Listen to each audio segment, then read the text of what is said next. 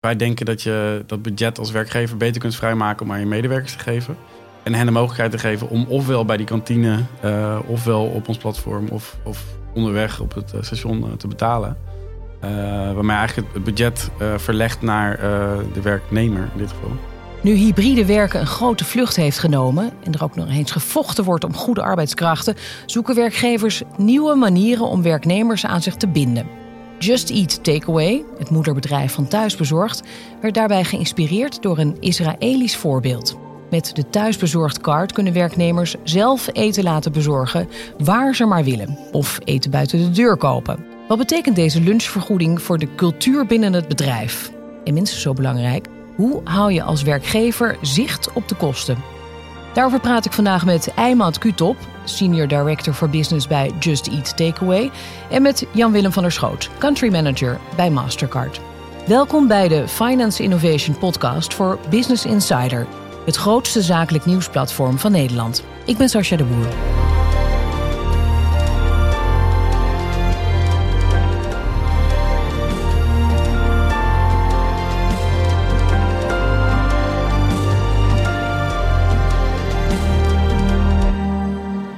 Eimat en uh, Jan-Willem, van harte welkom. Dankjewel. Uh, Dank je. We gaan het dus hebben over een nieuwe manier van eten bestellen.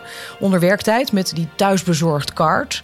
Uh, dat is misschien ook wel het einde van de bedrijfskantine. Of als je het anders bekijkt, een nieuw begin voor cateraars. Ehm, even voor jullie allebei. Wanneer is het voor het laatst dat jullie in een bedrijfskantine hebben gegeten? Eimat. Dat is dat zo lang geleden? Heel erg lang geleden zijn. Voor corona, zeker. Ja. We hebben ook geen kantine op kantoor, dus... Maar hoe eet jij dan? Uh, nou, daarvoor um, lieten we af en toe iets bezorgen. Uh, en nu kan ik de kaart ook gebruiken om naar buiten te gaan en daarmee af te rekenen. Kijk, nou daar gaan we het zo meteen heel uitgebreid over hebben. Jan Willem, wat was jouw laatste bedrijfskantine-ervaring? Uh, ja, ook heel lang geleden. Wij hebben ook geen bedrijfskantine. Dus wij lopen altijd even naar buiten, naar de supermarkt of naar een broodjeszaak of een saladebar die in de buurt is. En dan halen we wat en dan bij goed weer buiten even opeten, bij slecht weer binnen aan de grote tafel en dan weer lekker aan het werk. Nou, voor mij was het dus negen jaar geleden toen ik nog bij de NOS werkte. Wij hadden echt zo'n traditionele bedrijfskantine. En uh, met broodjes kroketten en zo. Vooral op zaterdag was dat eh, de verwennerij. Goed, um, Eimad van Just Eat Takeaway. Vertel eens even over die thuisbezorgd kaart. Wat is dat precies? Nou, je zou het kunnen zien als een tankkaart voor eten. Waarbij je eh, van je werkgever een salaris krijgt, een leaseauto, maar ook een kaart om overal ter wereld je eten mee te betalen. En dat is dan misschien een soort incentive voor werknemers? Ja, nee, zeker. Uh, dat is ook uh, hoe het in uh, veel landen wordt ingezet. Als echt een secundaire arbeidsvoorwaarde. Wat dat wordt in hoeveel landen gebruikt? Weet je dat? Ons doel is om dit voor onszelf in 25 landen in te voeren. En momenteel zitten we in 12 landen. Nou, precies aan het begin van de pandemie lanceerden jullie die kaart. dat lijkt mij een goede timing. Waar komt dat idee vandaan? We hebben in 2018 een bedrijf in Israël overgenomen. En ja, het is misschien hier moeilijk voor te stellen, maar daar heeft ongeveer de helft van de beroepsbevolking zo'n kaart. En is het een standaard onderdeel van je sollicitatiegesprek. Dus van uh, ik, wil, uh, ik wil graag op mijn lunchkaart uh, wil ik zoveel, een tientje of zo, of 20 euro. Ja, ja. Dan kan je daarover onderhandelen. Ja. ja. Zie je dat in Nederland ook gebeuren? Ik, het, gebeurt, het gebeurt al. Ja, ook die onderhandelingen. En je liet het mij net zien, die kaart. Ja. Een, in jou, ja, ik weet niet of het altijd een oranje kaart is. Ja, zeker. Altijd oranje. Hele mooie oranje kaart. maar het is wel weer het zoveelste pasje in je portemonnee. Ja, nou, het is ook mogelijk om hem in, uh, in Google Pay al toe te voegen. En uh, we hopen dat snel Apple Pay ook uh, mogelijk wordt. En nou las ik dat het, de thuisbezorgdkaart werkt met de zogenaamde open loop. Wat is een open loop? Waar het eigenlijk voor staat is dat je gebruik maakt van een openbaar internationaal netwerk. Dat is overal gebruikt kan worden, maar waar je ook restricties kan zetten op waar het kan gebruiken. Er is een voorbeeld van een closed loop. Het tegenovergestelde is bijvoorbeeld de overchipkaart in Nederland. Dat is een één bedrijf die de kaart uitgeeft, die het geld beheert. Uh, en je kan het ook alleen bij de OV-bedrijven uitgeven. Nou, deze kaart kan je dus uitgeven bij ieder restaurant, um, bij je in de buurt, uh, ergens anders in Nederland of zelfs als je in het buitenland pot even aan het werk bent. En stel dat je, jij had het over dat je ook wel eens naar de supermarkt gaat om uh, dingen te kopen. Kan je daar ook gebruiken dan? Um, dat hangt van de setting van de kaart af. In het geval van deze kaart is dat niet het geval.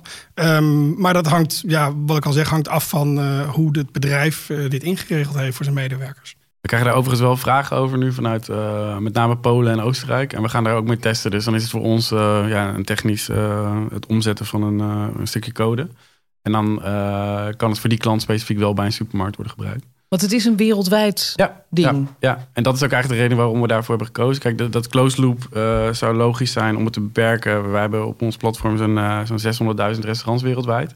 Mastercard heeft natuurlijk miljoenen locaties waar je kan betalen.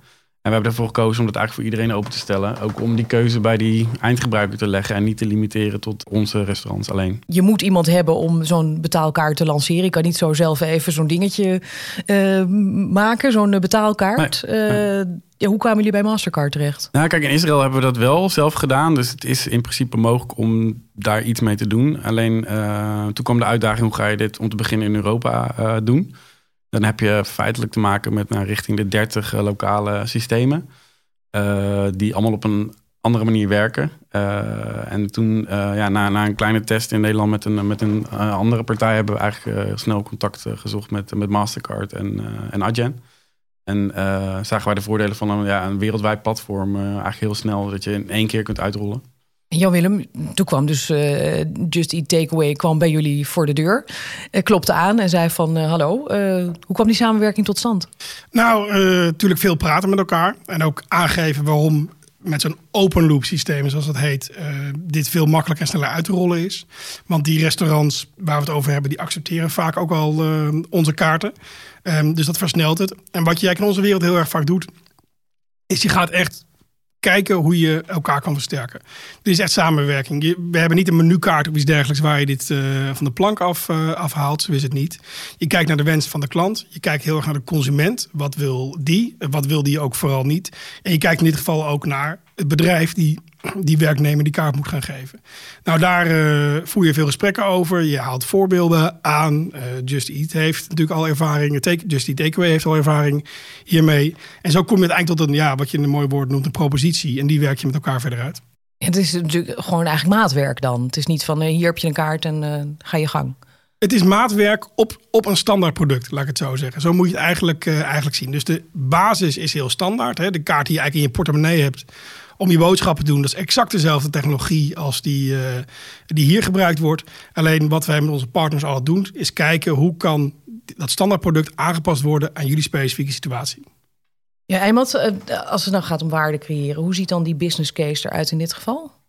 Ja, wat je natuurlijk ziet is als je gewoon een, een, een regulier kantoor hebt, met, laat ik zeggen 100 werkplekken, uh, waarvan 90 verhuurd zijn. Nou, uh, na corona zullen er misschien 40 mensen per dag op kantoor zijn helft, en zeker in Nederland, dat is in andere landen wel anders, maar in, Nederland neemt de helft uh, zijn eigen broodje mee.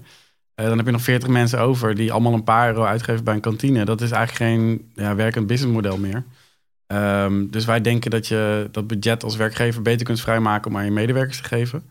En hen de mogelijkheid te geven om ofwel bij die kantine, uh, ofwel op ons platform of, of onderweg op het station te betalen. waarmee eigenlijk het budget verlegt naar de werknemer in dit geval. Ja, het is een kaart waarmee je lunch kunt betalen, uh, waar je die dan ook haalt. Uh, op kosten van de werkgever, die daarmee inzicht heeft in de uitgaven. En die op deze manier ook de werknemers aan zich kunnen binden. Meer vrijheid ook om te lunchen uh, zoals jij dat wil. Maar hoe werkt dat nou in de praktijk? Ik praat erover verder met Eimad Kutop van Just Eat Takeaway en Jan-Willem van der Schoot van Mastercard. Ja, die kaart ging dus live aan het begin van de pandemie. was dat een goed moment, Jan-Willem? nou, Achteraf denk ik wel. Um, want het is zo dat uh, dat was het moment dat nou, veel bedrijfskantines ook moesten sluiten. Omdat er wat, uh, minder mensen op kantoor, uh, kantoor waren. en ook het moment dat je eigenlijk steeds meer ook in Nederland zag dat het gebruik van takeaway ehm, voor je lunch en voor je, voor je diner enorm aan het groeien was. Dus ik denk dat dit, het was niet gepland, laten we het helder, helder hebben, maar het was eigenlijk perfect dat het op dat moment ook beschikbaar was. Ik kan me voorstellen dat door de coronapandemie dat er sowieso heel veel is veranderd in het betalingsverkeer. Uh, waar zie je dat nog meer? Ja, er is heel veel veranderd. Als je kijkt naar hoe we betaalden voor uh, corona starten en nu, zijn er een aantal grote verschillen merkbaar. Ten eerste gebruik van cashgeld. Dat was in Nederland al enorm dalende. En dat is, uh, nou ja, dat is op dit moment nog maar in nou, net iets minder dan 20% van de transacties die mensen doen gebruik met cashgeld. Uh, het tweede is dat ja, het contactloos betalen. Dus eigenlijk toen eh, de coronapandemie net begon, hebben wij met, ook samen met Nederlandse banken het initiatief genomen om die limiet van contactloos betalen, die 25 euro was, te verhogen naar 50 euro. Dat betekent eigenlijk dat je ja, bijna nooit je pincode meer hoeft in te voeren. En mensen vonden dat toch, ja, zeker in die, in die pandemie, ja, toch wel een beetje vervelend om met je vingers aan een aantal toetsen te zitten, te zitten waar misschien net iemand anders aan gezeten heeft. Nou, dat heeft enorm geholpen ook in het gebruik van contactloos betalen. En nu is het zo dat van alle transacties die elektronisch gebeuren in een winkel, uh, 88% is het laatste getal inmiddels contactloos is in Nederland. Dat is echt ja, ongelooflijk hoog, ook als je dat vergelijkt met andere Europese landen.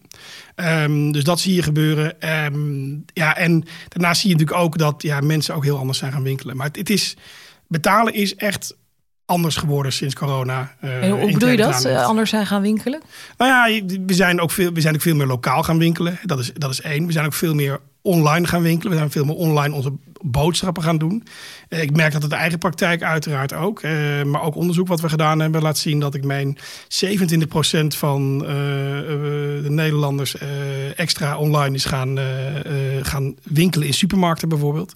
Dus dat is gewoon een, een verandering. En een groot deel van die mensen die dat zijn gaan doen, die blijven dat ook doen. ja, Emad, betekent dit nou niet gewoon eigenlijk de doodsteek voor de bedrijfskantines?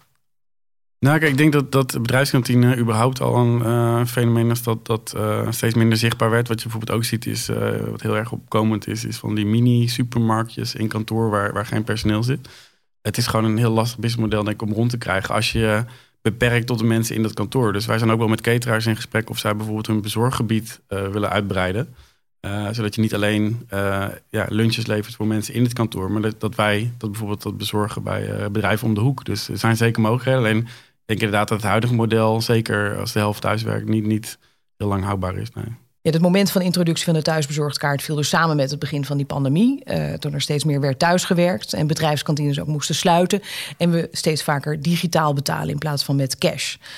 En toch was dat moment van samen lunchen in de bedrijfskantine toch ook best wel vaak een heel gezellig moment. En uh, nou ja, dat is allemaal minder geworden. Jan-Willem, um, ja, samen eten, dat houdt de boel ook bij elkaar. Hoe kijk jij er tegenaan? Nee, absoluut. Uh, het is vaak een van mijn favoriete momenten van mijn kantoordag. Om uh, niet in een meeting te zitten of in een call. maar met elkaar even wat, wat te gaan eten. En dat is ja, ook gewoon heel gezellig. Kan je bijpraten of over werkdingen of over privédingen. Alleen wat je natuurlijk veel vaak had als in de bedrijfskantine was. Want ik heb jaren geleden natuurlijk ook bij een bedrijf gewerkt die zo'n kantine had. Was je vaak beperkt in je keuzes. En ik denk dat het eten op deze manier alleen maar leuker wordt als iedereen eet waar hij op dat moment zelf zin in heeft. Maar dan kan je ook een beetje uit elkaar drijven. Dat de een die wil sushi en die ander wil toch die hamburger. Ja, maar goed, als je laat bezorgen, dan komt het, uh, als je het een beetje slim doet, dan wel rond hetzelfde moment. Dan moet de een misschien eventjes wachten. Um, of je gaat het even ergens halen. Nou, dan gaat het vaak ook uh, goed. Je hebt tegenwoordig, hè, waar wij werken in de buurt, van die hele grote foodcourts waar je allerlei dingen kan, uh, kan halen en in het midden met elkaar kan opeten. Nee, dus dat het wordt gewoon anders. Um, maar die dat samen zitten om die tafel uh, of op het bandje, uh, dat zal wel blijven, denk ik. Ja, de teambuilding is natuurlijk ook best wel heel erg belangrijk, Eimad. Uh, hoe kun jij die betaalkaart gebruiken voor die teambuilding? Wat ja, toch wel voor heel veel bedrijven heel erg belangrijk is. Ja, nee, ik kan het gewoon gebruiken om teamlunches te organiseren. En, um, ja. Gezamenlijke borrels. Gezamenlijke borrels. Ja. samen een rondje lopen, zoals Jan Willem doet op de Zuidas, denk ik. Op de, ja, inderdaad, de Zuidas, ja. Nou, of ik kan me ook voorstellen dat je misschien, uh, want er wordt natuurlijk nog steeds, uh, ook in deze tijd, heel veel uh, gezoomd en geteamd. teams meetings, dat iedereen thuis zit. Kan je hem dan ook gewoon ja. daarvoor gebruiken? Dat ja. je thuis zit en dan kan iedereen zijn eigen eten bestellen. Nou, dat goed wel. En dan log je gewoon in op je account. En dat is ook wat veel van onze klanten doen, die hem inzetten als ja, giveaway bij events bijvoorbeeld. Van nou, er is om 11 uur een meeting. je krijgt om, om 10 uur je login. En uh, je laat gewoon je lunch bezorgen en iedereen lunch samen. Maar het zijn dan wel virtueel, maar ja. dat gebeurt toch, dat, ja, toch die teamsbuilding. Ja, maar vergeet ook niet die mensen die dus in die diensten werken. Als je beveiliger bent, uh, als je uh, op een plek bent waar je, ja, waar je op dat moment moet zijn, of je hebt gewoon dienst omdat je mogelijk opgeroepen kan worden, um, ja, dan moet je ook eten als dat s'avonds is. En er zijn echt grote groepen in Nederland die s'avonds ook, uh, ook moeten eten. Uh, en die misschien niet zitten te wachten op uh, die vette hap die iedere dag maar voorgeschoteld wordt. Maar zeggen, joh, weet je, ik wil gewoon even iets anders. Nou, de, met name die keuzevrijheid, dat is denk ik ook wat iets wat heel erg bij deze tijd hoort. En daar past zo'n kaart ook heel goed bij. Ik kan me voorstellen, Eimond, dat dan ook de medewerkerstevredenheid omhoog gaat. Ja, ja, dat zien we. We hebben onderzoek laten doen in, in Engeland. Um, waaruit blijkt dat als je iemand 100 euro um, ja, laat ik zeggen, eten goed geeft, om maar in uh, slecht Nederlands te zeggen, dat dat voelt als een salarisverhoging van, uh, van 400 euro. Dus um, je kan mensen ook vanuit dat perspectief beter gewoon nou, gratis of uh, eten met korting geven dan dat je een salaris verhoogt. Is dat ook een, uh, misschien is dat inderdaad in buitenlanden groter dan in Nederland, uh, dat je daarmee werknemers kunt lokken? Dat je zegt, ja, van, nou bij ja. ons kun je ja. heel veel te goed krijgen op je kaart. Nou, dat is ook eigenlijk wat, wat destijds in Israël is gebeurd. Het is daar heel normaal om na, naast je salarisonderhandeling te vragen wat jou, wat jou te goed is. En hier kunnen we ons dat nog niet echt voorstellen. Maar ja, wij hopen natuurlijk dat dat op een gegeven moment ook zo wordt. Um, dus ja, daar werken we hard aan. Ja, er zijn ook landen die fiscaal vriendelijke oplossingen hebben hè, voor, uh, voor maaltijden. In België heb je bijvoorbeeld de, uh, de maaltijdchecks, zoals dat heet. Dat, dat zijn overigens nog steeds vaak papieren checks. Uh, en daar, uh, daar kan een werkgever dus fiscaal vriendelijk aan hun werknemer een maaltijdvergoeding geven. He, die gaat, daar is vaak geen belasting over verschuldigd. Um, nou ja, en die kan je op deze manier ook gaan digitaliseren uiteindelijk. Uh, waardoor dus mensen niet letterlijk met fysieke checks naar een, uh, een, een, broodjeszaak moeten om, uh, om een lunch af te rekenen. Maar gewoon lekker met je pasje. Ja, lekker met je pasje. Maar bedenk dat op het moment dat zo'n check bij een winkelier belandt, moet die winkelier er nog heel veel mee doen voordat die winkelier dat geld op zijn rekening ja. heeft. En in dit geval staat het er gewoon meteen op. En in dit geval staat het er gelijk op, is de administratie afgehandeld en kan iedereen ook gewoon, uh, ook gewoon verder. Maar denk ook aan de vrachtwagenchauffeurs bijvoorbeeld die onderweg zijn.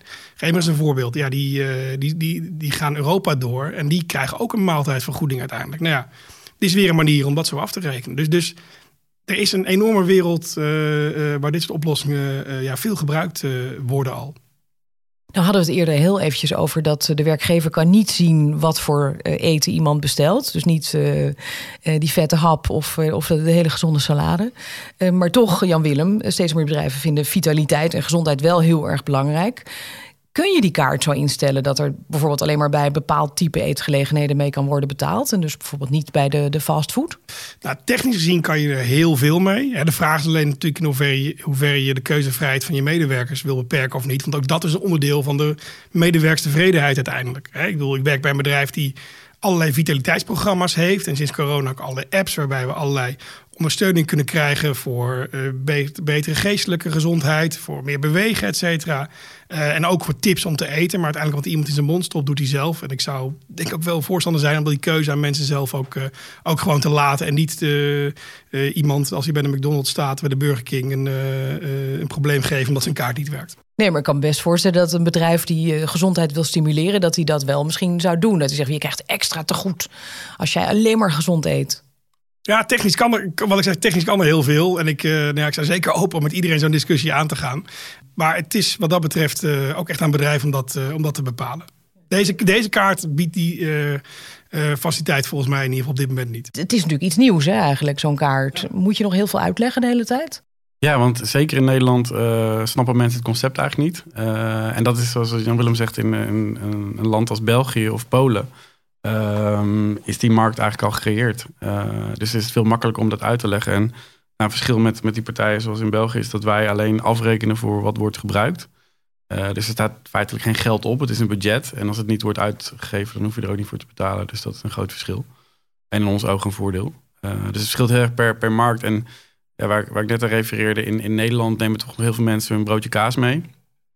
Maar op ons kantoor in Duitsland is het tussen naar nou, 1 en echt drie echt een stuk rustiger, omdat iedereen daar naar buiten gaat en uh, lokaal uh, ja, wat gaat eten. En dat is eigenlijk alleen volgens mij in Nederland en Amerika uh, niet zo. Maar in heel veel andere Europese landen is het gewoon lunch is standaard naar buiten en ergens wat eten. En een paar uur lang weg zijn, zoals in ja. Frankrijk. Ja wijntje ja, erbij. Dan gaan ze een wijntje erbij, dan gaan ze heel hard lunchen. Maar dat werkt ook heel lang door, zeggen ze altijd. Ja, ja inderdaad. Ja, nou even tot slot, uh, Jan-Willem. Uh, wat, wat, bewijst deze samenwerking nu eigenlijk? Waar is dit voor jullie een goed voorbeeld van? Nou ja, het is een goed voorbeeld van als je met elkaar gaat nadenken... Uh, om een bepaald probleem op te lossen... dat je met een hele mooie oplossing kan komen. en wat ik eerder al zei, je bouwt om een standaard infrastructuur... iets wat werkt voor consument, voor een werkgever... Uh, in dit geval ook voor, uh, voor Just Eat Takeaway. En ook voor de, uiteindelijk de restaurants die bij Just Eat Takeaway zijn aangesloten. En ja, dat doen we graag, dat vinden we leuk. En dat, uh, ja, dat gaan we ook met heel veel bedrijven veel meer doen de komende tijd. Ja, in Eimat, wanneer kunnen we de thuisbezorgd Goldcard verwachten... waar je alleen maar hele chique dingen mee kunt kopen? ik vind het een goed idee, ik ga erover nadenken. Neem dat mee vooral. Oké, hartstikke goed. Eimat en Jan Willem, hartstikke dank voor jullie verhaal. En luisteraar, dank voor het luisteren. Wil je meer weten wat de toekomst van het nieuwe betalen voor jou betekent? En wil je ook de andere afleveringen luisteren? Ga dan naar www.businessinsider.nl.